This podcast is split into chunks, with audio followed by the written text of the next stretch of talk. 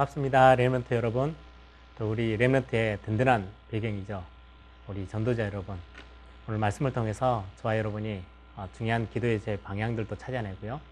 또 중요한 하나님의 응답을 다 준비해 놓으셨는데 우리는 거의 주로 이렇게 놓치고 갈 때가 참 많이 있잖아요.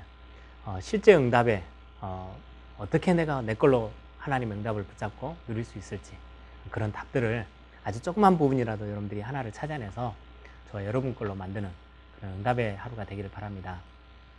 2010년도 들어오면서 새로운 시작 그렇게 우리가 시작했잖아요.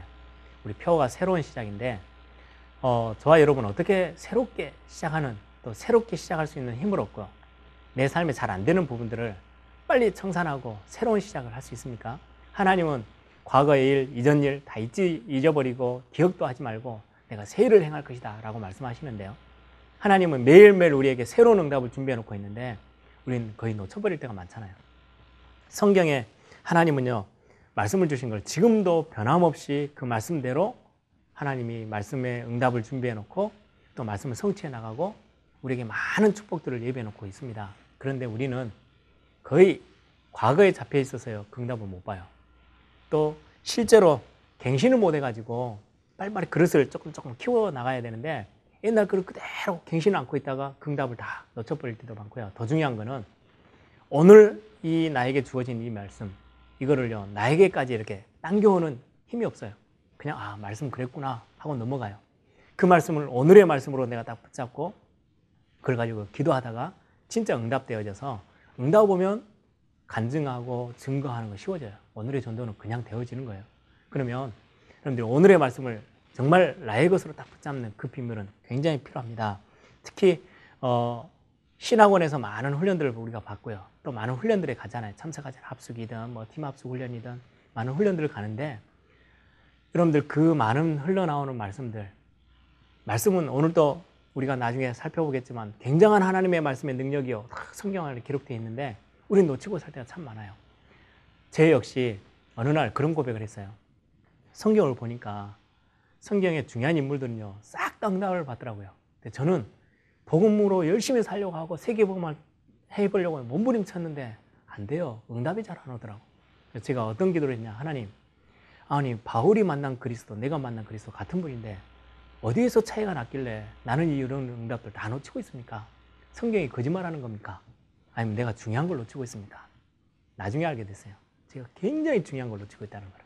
그때부터 제가 말씀도 사모하게 되고요. 뭔가 모를 하나님이 나에게 던지는 메시지를요, 제 것으로 붙잡으려고 묵상하고 기도하기 시작했는데 정말로 많은 응답들을요, 하나님이 하나하나 발견케 하시더라고요. 저와 여러분이 오늘 중요한 어, 특히 전도운동하고 나라는 제목입니다.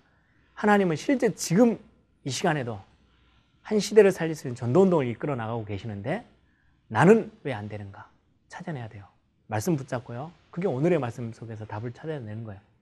그때부터 기도 제목도 달라지고 응답도 오게 되고요. 꼭 여러분들이 전도 운동과 나 사이에 있는 많은 응답, 또 못 받게 만들고 있는 내 연약함, 무엇 때문에 내가 응답 속으로 못 들어가고 있지? 걸림돌 찾아내서 응답으로 바꾸는 그런 축복이 있기를 바랍니다. 사도행전 2장 41절에서 42절입니다. 그 말을 받은 사람들은 세례를 받음에 그날의 신도의 수가 예전 성경에는 제자의 수가 3천이나 더하더라. 그들이 사도의 가르침을 받아 서로 교제하고 떡을 떼며 오로지 기도하기를 힘쓰니라. 아멘.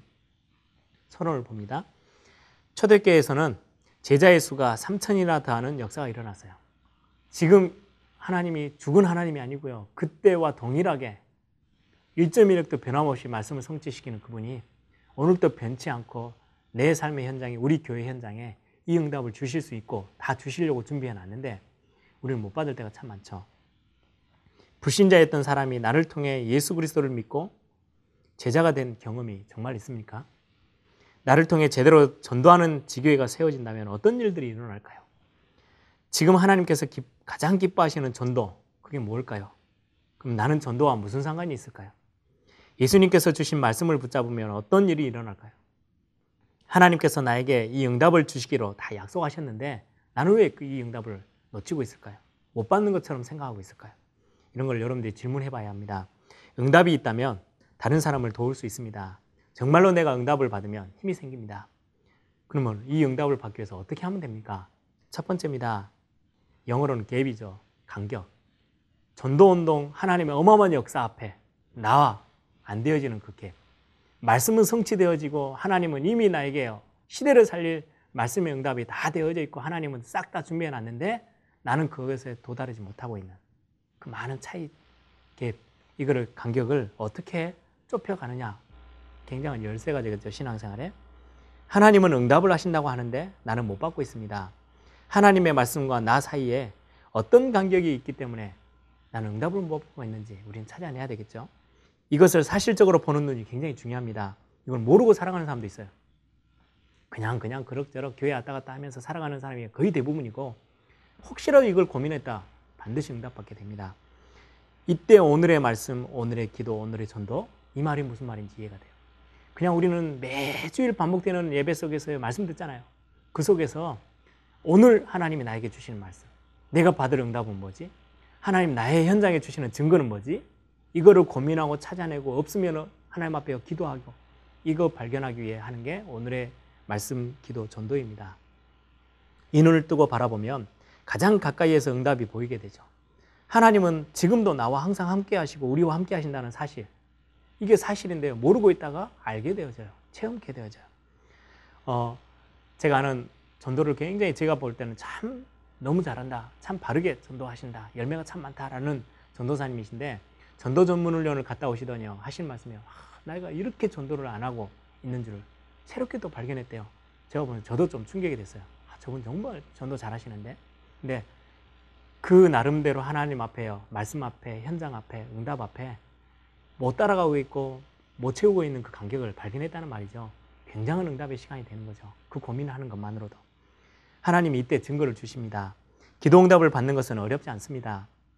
하나님의 말씀이 나에게 먼저 증거되어지는 다른 사람에게 막 쫓아다니면서 증거하는 거 이전에요.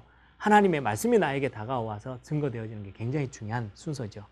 이 언약의 축복이 내가 가는 현장에 증거되면 하나님께서 주신 나의 문제에 증거가 나타나게 됩니다. 문제를 주신 것은 답을 주시기 위함이죠. 정식기도를 통해 순간마다 나에게 답을 주시고 있습니다. 정식기도 때 모든 걸 두고 한번 기도해 보세요. 정말로 답을 발견할 수 있도록. 복음의 언약을 묵상하고 기도하는 시간이 행복하게 느껴진다면 반드시 반드시 큰 역사는 일어나게 됩니다. 여러분들 이런 증거를 여러분들 다 갖고 있어야 돼요. 그럼 참고할 게 몇 가지가 있습니다.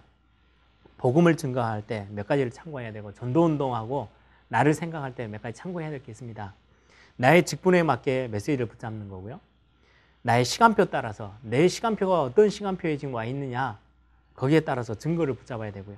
내 나이나 직업에 따라 증거를 따로 붙잡아야 됩니다. 이렇게 하면 반드시 역사가 일어납니다.